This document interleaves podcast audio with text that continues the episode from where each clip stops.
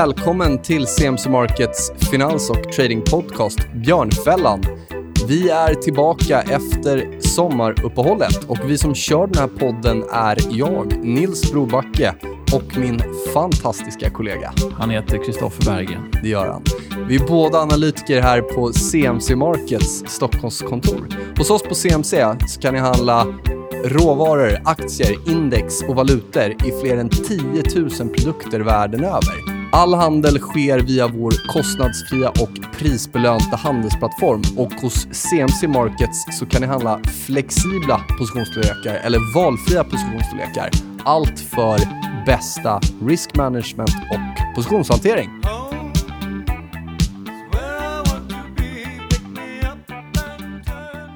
Åh, vad skönt det känns att vara tillbaka, Kristoffer. Ja, jag kan knappt vänta på att få dra igång här. Nej, men du har hört av dig hela sommaren med ämnen och sådär. Ja. Vi har ju fått in frågor också. Det 31 avsnittet ja. av Björnfällan blir det här. Då. Eh, korrekt. Så vi har hunnit med lite. Eh, några av dagens ämnen har vi varit och berört tidigare. Mm. Vad är det vi ska prata om? Ja, vi kommer följa upp. Det var ju väldigt mycket prat om eh, VIX-index här för någon vecka eller två sedan. Eh, mm. Det drog ordentligt på uppsidan och det var, världen skulle gå under. Det var alla möjliga saker kring det. Så det kommer vi prata om. Eh, vi kommer följa upp det avsnittet egentligen vi pratade om cannabis. Just som är ett av de avsnitten som vi har fått mest följdfrågor på. Mm. Av olika anledningar. Så det kommer vi följa upp. Eh, vi kommer följa upp de eh, trades som vi pratade om i början av året. De så kallade Costanza tradesen. Just det, våra contrarian trades.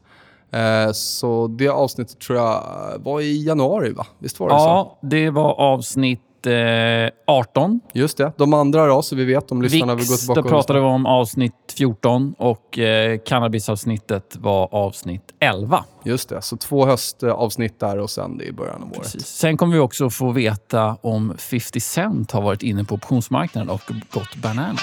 I, I get it. I, I get it. Yeah. Då börjar vi med första ämnet. då. Vi ska prata lite VIX. VIX-index. Just det. Eh, kul där. Ska säga så att vi är inte de enda, eh, om man tittar ett år tillbaka, som har pratat om VIX-index. Eh, nej, såklart. Nej, nej. Och riskerna med att ligga kort och sådär. Men jag tycker ändå att vi var ganska tidigt ute. Eh, vi pratade om scenarion där VIX, så, och vi ska kort ta vad är VIX då? Jo, förväntad volatilitet nästkommande 30 dagar eller hur investerare är villiga att försäkra sig mot den här ja, volatiliteten. I S&P. I S&P ska sägas. Den återspeglar ju inte eh, underliggande marknad, då, S&P så att den här, eh, den här produkten eller VIX kan ta betydligt mer än vad då S&P faller till exempel. Jag tror även att vi pratade lite om det med första avsnittet med Anders Elgemyr också, ja. gällande VIX. Och sådär. Men VIX, så, eh, att ja. ligga kort VIX har ju varit en, ja, en omdiskuterad trade under ganska lång och tid. Och superpopulär. Ja. Vi tog, du tog det här exemplet med att plocka 50-öringar framför mina snurrsparkar, ja. var det så? Ja. ja. exakt. Lite lökigt kanske, men eh, för att illustrera att eh, ibland funkar det, ibland får man en, en fot i huvudet. Po poängen var ju att eh, avkastningskurva och sådär, allting kan se väldigt, väldigt bra ut. Framförallt standardavvikelse och så vidare. Eh, fram tills att det faktiskt smäller. Och då mm. kan det wipa hela kontot eller ja, få en drawdown som man inte liksom alls har märkt i sin, sin standardavvikelse innan. Eh, lite det här med att lagra risken i en ryggsäck. Då. Bara här i augusti så har vi sett spikar tre gånger faktiskt på mellan 20 och 15 procent. Sen vi hade det här avsnittet i höstas så är det lite drygt fem spikar på mellan 30 och 50 procent eh, i VIX. Mm. Så det visar just eh, risken eller momentum när det väl vänder, hur snabbt det kan gå. Precis. Men det man har sett och det som vi nämnde, den här stora traden att man ska lägga kort VIX. Så bara under augusti så har det varit ett, extremt inflöde i de två största eh, ETFerna, eller ETN som ja, så att säga, är inverterat VIX. Man, man, kan säga att man ligger kort VIX när man köper den fonden. Har haft ett rekordinflöde eh, och de har tagit in tror jag, senaste två veckorna 1,2 miljarder dollar har det flödat in i de här fonderna. Så att de har växt väldigt mycket. Så att någon är ju, eller några är ju sjukt sugna på att ja. fortsätta korta Nej, det, det, är kul att se att efter en sån här väldig smäll så är det liksom så ökar positionerna i kortfix. Mm. Så vi gör bara samma sak igen. Vi köper dippen som folk skojar om på, på index och så vidare. Att Och det är klart, om centralbanker fortsätter att agera, vilket har varit traden sedan 2009, den bästa traden, eh, short vol, så mm. kanske man tänker att det är rätt. Då. Men eh, ja, jag tycker det är intressant att de här att det har accelererat lite de här spikerna, i alla mm. fall i augusti. Det jag visar väl ändå på att marknaden kanske blir... När det väl blir oroligt så blir det lite mer oroligt än vad det har varit tidigare när det var oroligt. Marknaden blir lite mer osäker. Eh, men det man ska tänka på när det gäller just VIX, nu ska vi säga att det kanske inte är någonting som gemene man går in och gör, att man spekulerar i eh, låg eller hög volatilitet. Men det man ska tänka på om man nu är sugen på att gå in i de här liksom, kort VIX-fonderna så är det jag såg det här på Zero Hedge. Eh, och det var någon som hade räknat på liksom hur mycket påverkas de här ETF-erna om VIX rör sig. Eh, tittar man exempelvis på en 50 i rörelse, det här var när VIX stod i 9,6 eller lite lägre än vad det var idag. Då. Men då var den negativa effekten på de här fonderna eh, 20 till 42 procent. Alltså i negativ avkastning på en 50 i rörelse i VIX. Och du nämnde där att vi redan haft den typen av rörelser under hösten och vid ett flertal tillfällen. Tittar man på en 100% i rörelse, ja, men då var det från typ 35% upp till 55% negativ avkastning på fonden på grund av den rörelsen i VIX. Så att man ska bara förstå vad det är man faktiskt köper och vad konsekvensen kan bli om det blir riktigt oroligt. Mm. Om den här missilen kanske landar i Japan och inte flyger över Japan. Ja, men det man måste fatta är att det är underliggande volatilitet man handlar. Sen tycker inte jag... Eh, jag kanske hade varit försiktig med att ha ett långsiktigt bett åt något håll på VIXen. Men däremot på kort sikt, så de här spikarna, det är klart att det är intressant. Som mm. vi nämnt tidigare så har vi VIX i vår plattform. Man kan trada det som allt annat, men, men det är jättebra poäng du gör där, speciellt om man har varit liksom kortvixat, hur det här slår mot eh, de här produkterna. Och ja, Det är det där klassiskt med matematik, men det tar ju, tar ett tag att hämta igen en 50-60% i smäll. Ganska bra avkastning. Men sen så som du var inne på, att, gå, att ha lite kortare pussar kan ju vara intressant för att VIXen är ju väldigt mean reverting. Alltså det spikar ofta som vi var inne på. Det gör att det spikar, går kraftigt upp och sen så kommer det ner igen. Och Då är det såklart folk vill liksom försöka plocka den rörelsen på nedsidan. Eh, introt där pratade vi om en, rap, en rappare. en, rap, en rappare. Som heter 50 Cent. Och Vad har han då med det här att göra? Ja, ingenting egentligen förutom att man har snott hans, snott hans namn. Och Det cirkulerade lite i början av året Eh, för det var en person som sen då, eller man trodde att det var en person, men det mm. var en fond. Han gick köpte... under, eh, under pseudonymen 50 Cent. Ja. Och det pratades, det var både Twitter och finansmedia, att han hade laddat på, eller det var en väldigt stor position där. Precis. Och Anledningen till att han fick smeknamnet 50 Cent var för att han köpte, typ dammsög köpoptionsmarknaden på eh, VIX-optioner som kostade 50 cent. Hur mycket större blev marknaden? Den blev jättemycket större. Nej, men den här då, som sagt, fonden som det visade sig i slutändan tryck ju upp Alltså, jag tryck, man, man pratar om något som kallas för open interest, det vill säga hur stora, hur stor, liksom position, hur stora positioner som finns öppna på termins och optionsmarknaden. Den kom upp på all time high-nivåer efter att då den här fonden hade börjat ladda på med eh, lite VIX-optioner. Jag kan bara nämna hur det såg ut i januari, sen så fortsatte det här under hela året. Men då köpte man 690 000 optionskontrakt och premien på det var strax över 30 miljoner dollar.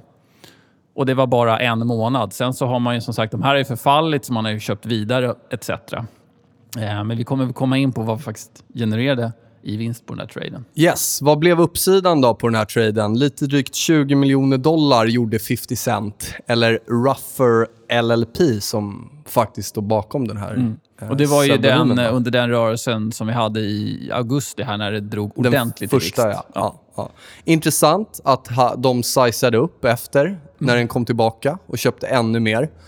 Och Med det här sagt, då, 20 miljoner dollar, trevlig avkastning i en rörelse. Men du nämnde ju vad kostnaden för att hålla de här hade varit. Precis. Vad sa du? 30 miljoner dollar bara i januari? Ja, det var premien i januari. Ja. Sen så har det totalt kostat dem under året ungefär 150 miljoner dollar att ha den här positionen. Så netto 130 minus. Ja. Det är ju inte fantastiskt. Nej. Och sen nu är det så här, det här är en fond som eh, har 20 miljarder dollar under alltså i AUM. Så, så det, det kanske påverkar liksom 0,1 procent ändå i slutändan? Precis. Och varför pratar vi då om det här? Jo, det är ju...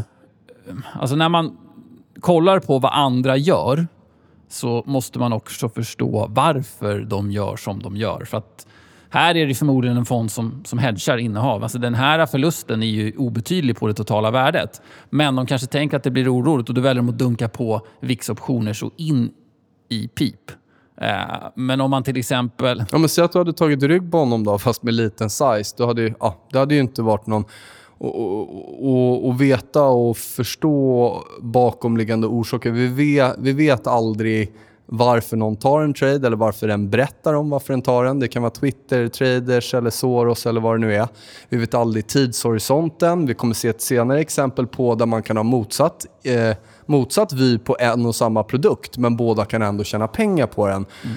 Och så vidare och så vidare. Är det en hedge eller vad det nu är. Så att, och var försiktig just med att ta rygg på andras trades eller tro sig förstå. För jag kan tänka mig att det var många som såg det här som en jätteindikation ja. på att det kan smälla ordentligt. Precis. Och nu var det en aktör som drev upp det här så Precis. pass mycket. Och det, det här var ju en, det är ju ingen minimarknad, men det kanske inte är världens mest omsatta marknad, VIX optionsmarknad. Men det gjorde ju att när man tittade på den aggregerade vyn så såg det ut som att okej, okay, nu marknaden är väldigt mycket orolig för andelen köpoptioner har ökat extremt mycket. Men nu visar det sig att det var en aktör som liksom ja, men skapade den här bilden. Jag får då... att uh, ja, Elimir var inne på det, just att det är en så pass liten marknad att en eller ett par större aktörer skulle kunna påverka ändå lite. Så det är lätt att dra slutsatsen mm. att okay, nu är marknaden orolig mm. för en stor händelse, så visar det sig att det var någon aktör som ville göra en hedge. Visst, det var en stor aktör, men det gäller ju allt. Att titta på aggregerad data, den kan ju ge en lite skev bild om det är en lite mindre marknad som man, som man spanar på. Och inte att glömma det, det har vi sagt flera gånger förut, men även om vi har en trader som gör 90, 90% rätt av 100 så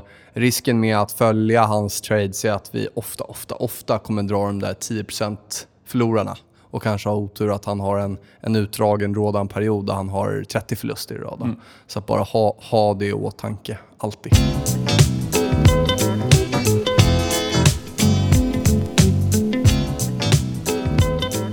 Ja, då kommer vi in på nästa område här och ska vi följa upp eh, det vi pratade om i, jag tror att det var årets första avsnitt. Mm. De så kallade Costanza Trades. Ja, exakt. I mitten av januari där. Eh, Costanza eller Contrarian ja. Trades, hur man väljer att se det. Jag vet att du hade ju pratat om euron, mm. oljan. Det var euro. Lång euro. euro. Det var ju när alla pratade om att den skulle ner under ett. Så uh, tänkte jag jag går emot marknaden av olika anledningar och tyckte lång euro du, och det kort var väl... olja. Just det. Ja. Och om vi, tar, om vi börjar med euron då, så mm. det var väl i princip botten där du fångade? Va? Ah, ja, jag vill väl inte säga botten, men det var 1,0580 ungefär. Ja. När jag så. Zoomar vi ut så var det i princip ja, botten. det på marginalen där. Nej, men så det, var, det var, har väl gått åt rätt håll än så länge. Sen så finns det ju lite... Vad är den upp sen dess? 14 procent, ja. 15 procent. Det är okej i en valuta. Ja, det är ändå en bra rörelse får man säga. Eh, sen finns det lite saker som, som talar för och talar emot att euron kommer fortsätta stärkas. Eh, det som kan ha en positiv effekt på, på dollarn är väl bland annat om Fed börjar dra ner sin balansräkning som man har pratat om. Eh, alltså minska ner obligationerna kan ha en positiv effekt på räntan vilket har en tendens att ha en positiv effekt på, eh, på valutan. Då. Eh, de ska mötas i september, får vi se om vi får, får lite mer information kring det. Sen har det pratats mycket om räntehöjningarna som sådana från USA, eller från Fed. Har kommit lite på, på kant. Inflationsdata har inte riktigt varit så upplyftande som det var tidigare under våren. Har kommit ner ganska mycket där. Så sannolikheten för en höjning har egentligen förskjutits bort till december och nu tror marknaden typ på en 30% höjning. Det kan förändras ganska snabbt det där. Men det är någonting som talar för en, i sådana fall emot om man nu inte gör de höjningarna som man har pratat om tidigare. Då. Eh, sen har vi ju Super Mario som eh, brukar vara lite trevlig att lyssna på när han väl kör sina presskonferenser. Brukar få lite fart på marknaden. Eh, han har tidigare sagt att man vill inte ha en för stark euro. Nu har man haft en väldigt förstärkning av euron. Men senaste mötet som de hade, centralbanksmötet, sa han ingenting om det. Vilket fick euron att poppa riktigt ordentligt. Mm. Jag tror den var på över 1,20 på grund av den, det uteblivna pratet. Det har pratats om att de ska börja dra ner obligationsköpen. Det är sagt att det ska komma lite info kring det i septembermötet. Vi har lite politiska grejer Ja. också. Vi har eh, italienskt val. Tyskt val. Tyst val. Eh, Grekland börjar se bättre ut. Vi har Polen och Ungern som kanske sticker ur EU. Nu kanske det inte blir några jättestora påverkan där. Brexit och så vidare som också kommer spela in antagligen. Då. Precis. Så det jag kollar på, om man bortser från det här äh, makro, vi, ju, vi gillar ju grafer både du och jag. Eh, grafmässigt, så det som är extra intressant är att titta på dollarindex eh, i dagsläget. För den befinner sig på en väldigt viktig nivå. Dollarindex är en korg av olika valutor, bland annat euron. Då. 92 är eh, riktigt, ett viktigt, viktigt stöd i, i, den, eh, i det indexet. Så fallerar 92 så indikerar det svaghet och då har vi ja, närmaste stöd på nedsidan ligger runt en 90 till 88 ungefär. Så att de två nivåerna, eller rättare sagt de tre nivåerna, blir väldigt viktiga att de håller emot. Fallerar de, tecken på tilltagen eurostyrka där. Så det är min, mitt hopp är att det där tekniska stödet kommer braka all världens väg och så kommer min Eurotrade fortsätta i rätt riktning. Mm, jag kan ge det tekniska på euron där, även om det inte var eh, något, något bett för mig på året. Så, eh, vi handlades ju väldigt trevligt där från, på bottnarna i början av året. Symmetri fanns egentligen i en trading range ända upp till 1.14, 1.15. Och det var där var väl jag började jag känna att euron kändes väldigt dyr. Jag vet att jag var med och pratade i DI bland annat om det där. Eh, men jag tror vi också har nämnt här under våren att ovanför det så finns det inte så mycket tekniska nivåer. Utan i princip var det en, två om det området bröts. Och det gick ju väldigt, väldigt snabbt. Om jag kollar på senaste prisaction så kanske jag sticker ut huvudet och säger att om en, två håller för säljare så kan vi ha sett toppen i år för euron. Right. Mm. Ja, jag har ju lite nu kan det nedsida ju kvar. sluta väldigt på plus ändå. Då, så att, men, men jag tycker vändningen i veckocandlesticken, om jag även tittar vändningen i guldet här eh, och även kanske faktiskt att vi får en positiv börshöst om vi tittar på hur, hur det börjar formera sig i index här. Så, så ja, en, två att hålla kolla på. Skiljelinje för mig, TA.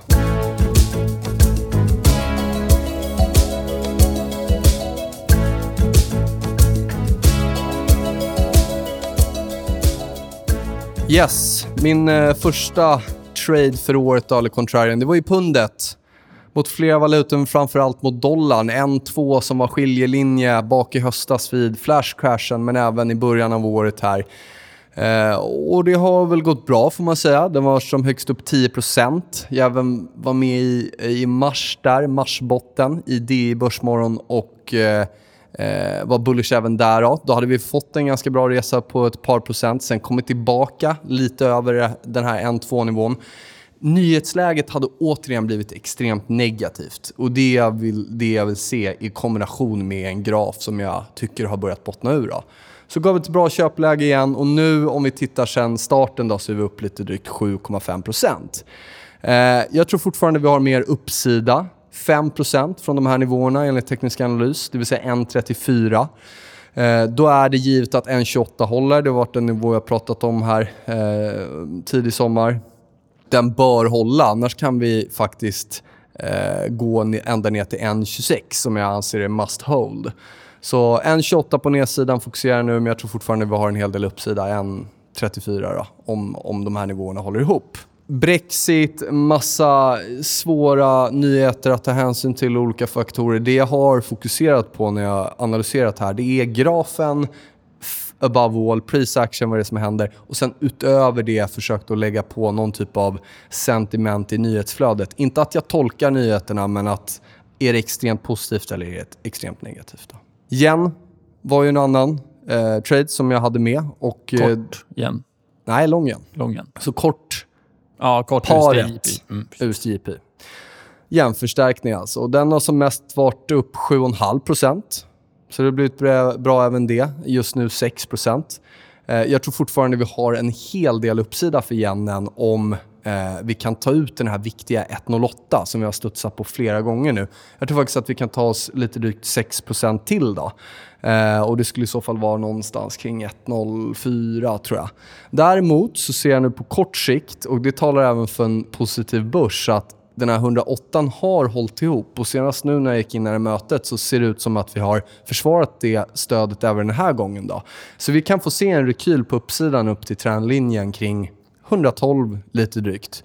Eh, men då skulle vi ändå ligga i, i, i så att säga profit för året på lång igen och jag tror fortfarande att det finns betydligt mer nedsida om de nivåerna håller ihop. Då. Ja, vi har pratat om det tidigare. Det, IP är just här klassisk risk-on, risk-off-par eh, som många kollar på. Får vi just ett ja, men break av 108 och lite oro på marknaden så kan det trycka på ganska ordentligt mm. i, i och, det här valutaparet. Och lägg den bredvid index så ser man ganska väl att den har ju... Den har ju det USDPI har ju åkt ner när börsen har åkt ja. ner och det är ju en jämn förstärkning. Så det har funkat, inte ett till ett, men en bra hedge i alla fall. Får man säga. Framförallt när det blir lite, lite kraftigare rörelser ja. så blir det Tänk Nord, Nordkorea och nu, om vi tittar på de här sakerna som har rört marknaden. Det, valutorna rör sig extremt mycket och det är extremt mycket valutapåverkan på, på mycket saker nu. Så, så det... får vi en break där, bra rörelse i den, borde vi kanske kunna få en ganska fin rörelse på uppsidan i VIXen.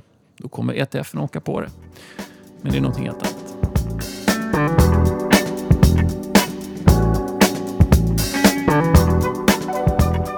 Går vi in på nästa i trade då, mm. där vi faktiskt valde samma tillgång, men ja. olika riktning. Stämmer bra. Mycket trevligt. Kort olja för min del och då rimligen lång olja för din del. Yes. Du kan ju dra ditt case först då. Ja, jag pratade lite om det här sist vi följde upp, men det är just den här... Äh, Ska vi säga att eh, år, där, när vi spelade in så stod oljan på 54 lite ja, drygt. precis. Crude Brent pratar vi då. Ja. ja. Eh, nej, men, eh, skifferproduktionen i USA Eh, har ju blomstrat lite, nu har mattats en del. Men fortsatt högt oljepris gynnar ju de här aktörerna för deras break-even-nivå för att producera har kommit ner ganska mycket. Eh, och den ligger runt en 36,50 så det tycker de är trevligt så fort oljepriset håller sig runt de här nivåerna. Eh, Sen en annan grej, och det är väl det som, är det som jag ser som min, min största vinning här under resten av året. Det är ju, mm. OPEC är ju ganska involverade i det här med, med olja. De har ju en tendens att inte alltid vara överens. Man kom ju fram till, tidigare kom man ju fram till att man skulle dra ner produktionen för att stabilisera oljepriset. Alla var med på det. Även de länderna som liksom inte var med i OPEC, men som ändå är stora, stora oljeproducenter. Och det började bra. Mars, april, maj så höll man sina kvoter så att säga. Man var till och med bättre än, än vad marknaden tyckte att man skulle vara. I alla fall om man kollar på OPEC-länderna. Ja, det såg ju ut så ja.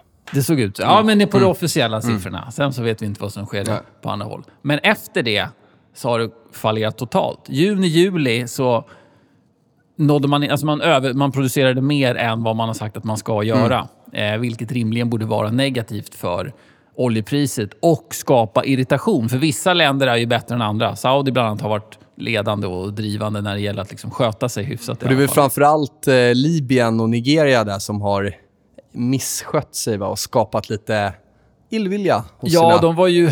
Från början så var de, de var undantag. De behövde inte rätta sig efter de här uh, produktionsreglerna eller ska säga, som man satte upp. Och Sen så har de liksom utnyttjat det här, kan man väl se det som, och dunkat på. Så att de har ju bidragit till ett överutbud.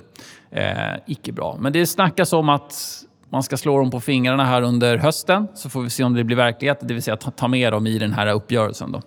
Men eh, så lite stök i OPEC och får vi break av 50-nivån i olja. Det är den jag kommer liksom sitta klistrad vid och titta på. Alltså ovanifrån och ner, då, mm. då är jag glad.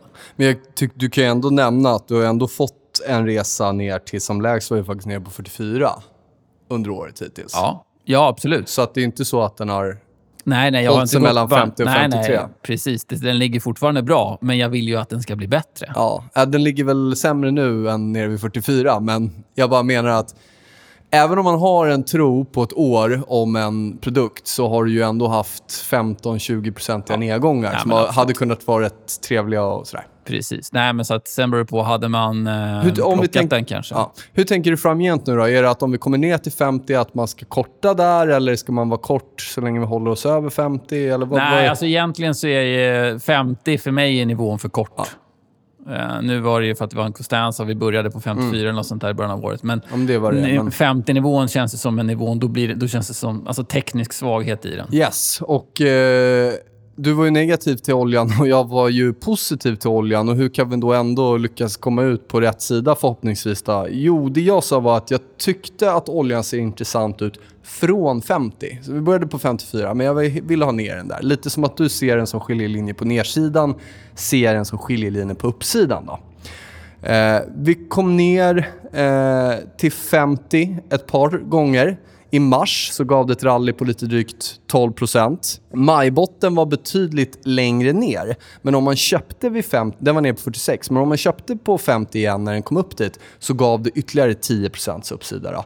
Juni var väl egentligen den största dippen, juni-juli där. Då var vi nä nästan nere vid 44. Återigen, köpte man sen när det kom upp vid 50, lite drygt 8 då. Eh, vi ligger och trilskas här under 53. Kan vi forcera det, då har jag fortfarande kvar 60 på uppsidan.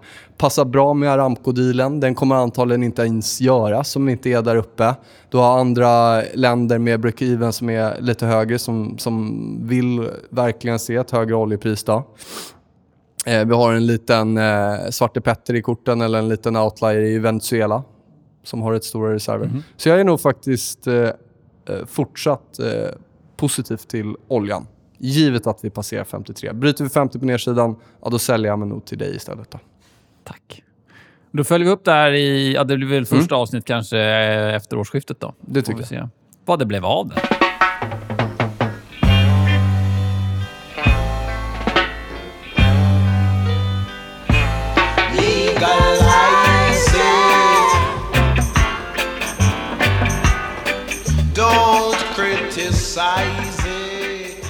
Yes, nu kommer vi tillbaka till ett ämne som vi har fått mycket frågor om. Och Det har ju även varit en hel del på tapeten här under året. Ja. Ska jag säga.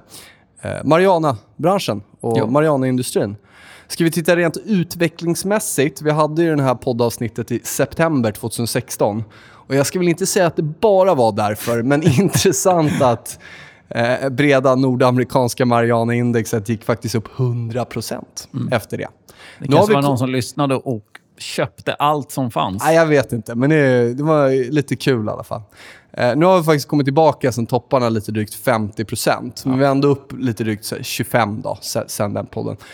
Så det är utvecklingen på ett, på ett bredare eh, Mariana-index. Inget man kan köpa och investera i. Um, vi kommer kolla på, det har kommit en liten ja, ETF. Ja, det har kommit lite ETF sådär, som om man tycker att det känns väldigt intressant så kan man kika du kan väl ta, Vi kan väl ta lite bara siffror och sådär, vad ja. som har hänt. Vill man ha, vi, vi hade ju nästan ett helt avsnitt mm. kring det här. Det var ju som sagt avsnitt 11. Så vill man ha lite dataprat etc. så lyssna på det avsnittet. Men det kom ut en eh, Mariana Business Factbook 2017. Eh, vet inte exakt validiteten i den. Den är gjord av Mariana Business Daily. Men i alla fall, de förväntar sig såklart en väldigt kraftig tillväxt på den här marknaden. Eh, man förväntar sig att eh, 2017 ska man gå från 5,1 miljarder dollar till 6,1 miljarder. Det kommer öka ytterligare 45 procent fram till 2018 och 2021 så ska marknaden då vara värd över 17 miljarder dollar. Så det får väl ändå anses vara den har blivit en ganska stor marknad. Då, Men det, det är väl även både stater in. och länder som har eh, gått mot, om inte helt legalisering, så delvis legalisering. Ja, sen vi absolut. hade det här avsnittet. du hade... Det var några stater som hade... Nu tror jag vi spelade in det här kanske i oktober eller något mm. sånt där. De hade ö, omröstning i november har jag för mig, mm. om jag inte missminner mig. Och det blev väl ja där. Och sen så vet jag att Tyskland röstade ja i eh, januari 2017 bland annat. Då. Så det är Grekland. Grekland. Ja. Ganska nyligen har jag för mig. Så tittar man på vilka länder i Europa. Många fokuserar på den amerikanska marknaden och tänker att ja, men det är där man legaliserar och så vidare. Men i Europa så är det nu, vad sa vi, Tyskland, eh, Tjeckien, Holland, Finland, Spanien, Portugal och Grekland. Har jag för mig. Då som har eh, legaliserat det ut, alltså på medicinsk väg. Exakt, och medicinskt. Och sen även ska sägas att flertalet länder även behandlar det som avkriminaliserat. Vi har både England och UK, Spanien, med de länderna där man inte ja, man straffar inte brukare, man får odla för eget bruk och sådär, utan det är försäljning. Då. Så att, Men den primära marknaden som det pratas om här, det är ju den medicinska marknaden. Det är där absolut. man ser den extrema tillväxten. Absolut. Eh, Kanada, ett annat eh, relativt liberalt land får man säga. Allas eh, favorit, eller inte allas, men mångas favorit. Justin Trudeau har ju kampanjat, kampanjade rätt hårt för att avkriminalisera och reglera även rekreationella Mariana-marknaden. Och så eh, verkar det även bli fallet nu. Då. En analytiker, några av analytikerna har räknat på att den här industrin kan vara värd mellan 5 till 7 billion Canadian dollars per år. Då. Så det är ganska stora summor vi pratar om. Mm. Och såklart blir det så att när man ser stater som legaliserar och får in väldigt, väldigt mycket skattepengar på det här. Alltså pengar är ju oftast den så att säga, bästa incitamentet för, för, för att få folk att ändra sig. Då. Så det, är väl, det, är väl, eh, det är väl det som sker nu, att man uppmärksammar det här. Det var en liten rolig anekdot, jag tror det var från Nevada, att man på statligt håll fick brist eh, på då, eh, Mariana som man sålde och framförallt, man har inte liksom hunnit öppna eh, dispensaries och utgivningsställen i den takt som efterfrågan krävde. Då. Så det blev lite av en state of emergency där nästan i, i Nevada under ett tag, men det, det löste sig. Så att eh, vi har till exempel Senator Cory Booker som kom in med ett lagförslag just att ta bort den federala lagen mot marijuana och även eh, uppmuntra individuella stater att legalisera det. Det fanns några anledningar, framförallt att man tittar på att eh, familjer splittras på grund av den här kriminaliseringen. Miljoner eller biljoner till och med i dollar som försvinner eh, från skattebetalare. Eh, med allt det här vi nämnde sist med, med eh, fängelser och så vidare. Då. Eh, och specifikt också då att det här är ju riktat mot eh, de amerikaner som är fattigast och ofta som är färgade. Då. En av anledningarna till det här är också att man har tittat på att i de staterna där marijuana är legaliserat så har eh, utskrifter av smärtlindring, vi var ju inne och pratade lite om det sist också, har minskat väldigt mycket. Lite drygt 25% lägre. Då. Det har pratats om en eh, opiatepidemi som pågår i USA eh, på flera håll. Redan 2007 så blev de här Purdue Parma som tog fram kanske den mest använda opiatmedicinen eller smärtstillande, Oxycontin, blev stämda på mångmiljondollarbelopp. Då. Och det här var redan 2007 för otillåten marknadsföring. Eh, jag vet att tre executives där fick, eh, blev dömda. Då.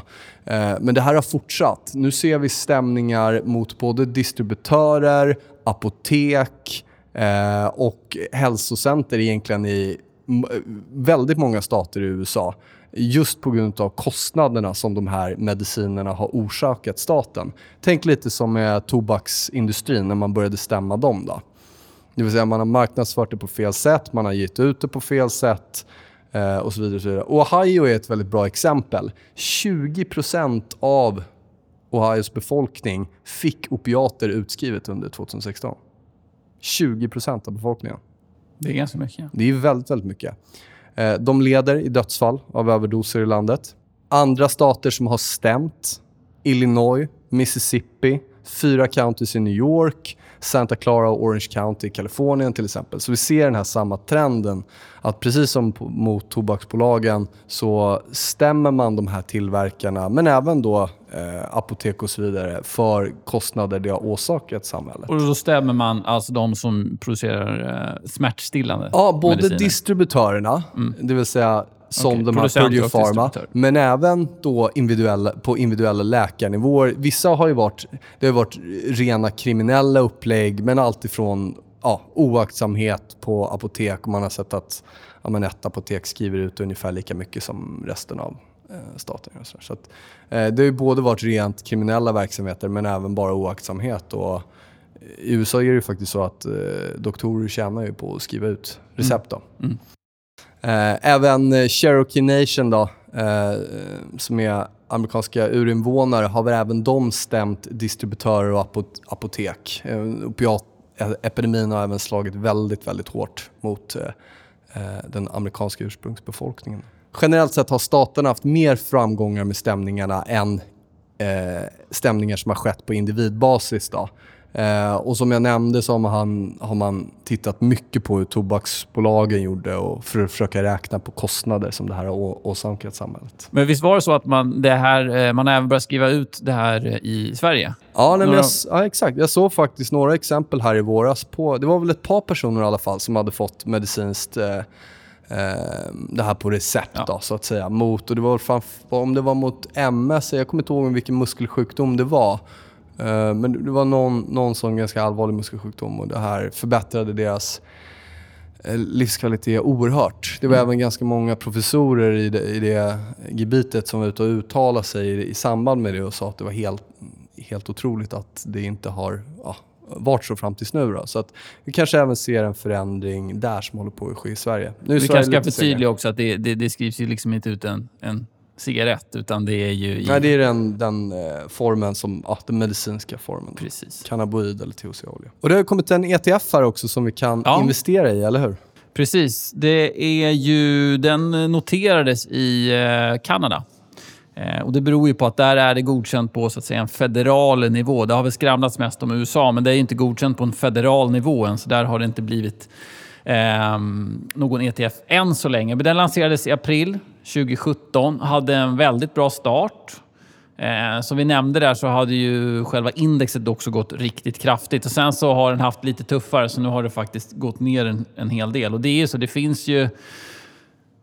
Bara för att det är en, en ny marknad i citationstecken som förväntas växa väldigt kraftigt framöver så betyder det inte att det bara kommer gå spikrakt uppåt. Utan bolagen måste ju tjäna pengar. Det är ju inte gratis liksom att Nej, så är det ju. Och sen, kan säga, ja, sen kan man ju så här, notera en ETF på all time high på vilken produkt du vill så kommer du ju ha en rådan ja. så småningom. Så att det, men med det sagt så, vi är fortfarande i början av den här investeringssektorn. Alltså, det, det kommer vara mycket skit inom situationstecken, men det kommer också finnas vinnare. Då. Precis. Att, den eh, heter Horizons Marijuana Life Science Index ETF. Och den finns eh, i alla fall, jag tror att den finns hos båda de större nätmäklarna så att säga. Så att inflödet i den här var, var väldigt stort. Första tre månaderna fick man in 90 eh, miljoner dollar.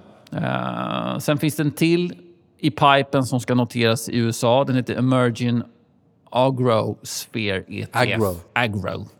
Sverige ETF. Ehm, men som sagt, det är inte godkänt på en federal nivå så vi får se hur det blir med den. Men nu finns det i alla fall en ETF.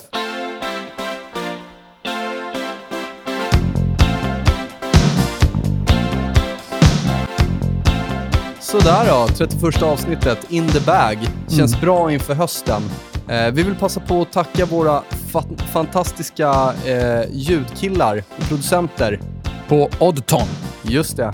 Eh, vill ni mer, veta mer om dem eller ha hjälp så är det bara att höra av er. Men vi, vi tackar för ett, en fantastisk ljud och produktion. Framgent under hösten här, tveka inte att höra av er till oss. Har ni frågor, funderingar? Vi kommer mata på med intervjuer, analyser och så vidare. Mm. Och är det några ämnen ni vill att vi tar upp så skicka ett mejl eller slå oss en signal så kikar vi på det helt enkelt. Bra, men då säger vi så så önskar vi en fortsatt trevlig dag och lycka till med handeln.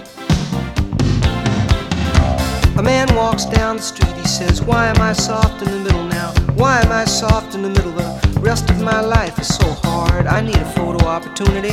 I want a shot at redemption. Don't want to end up a cartoon in a cartoon graveyard. Bone digger, bone digger, dogs in the moonlight. Far away, my well lit door.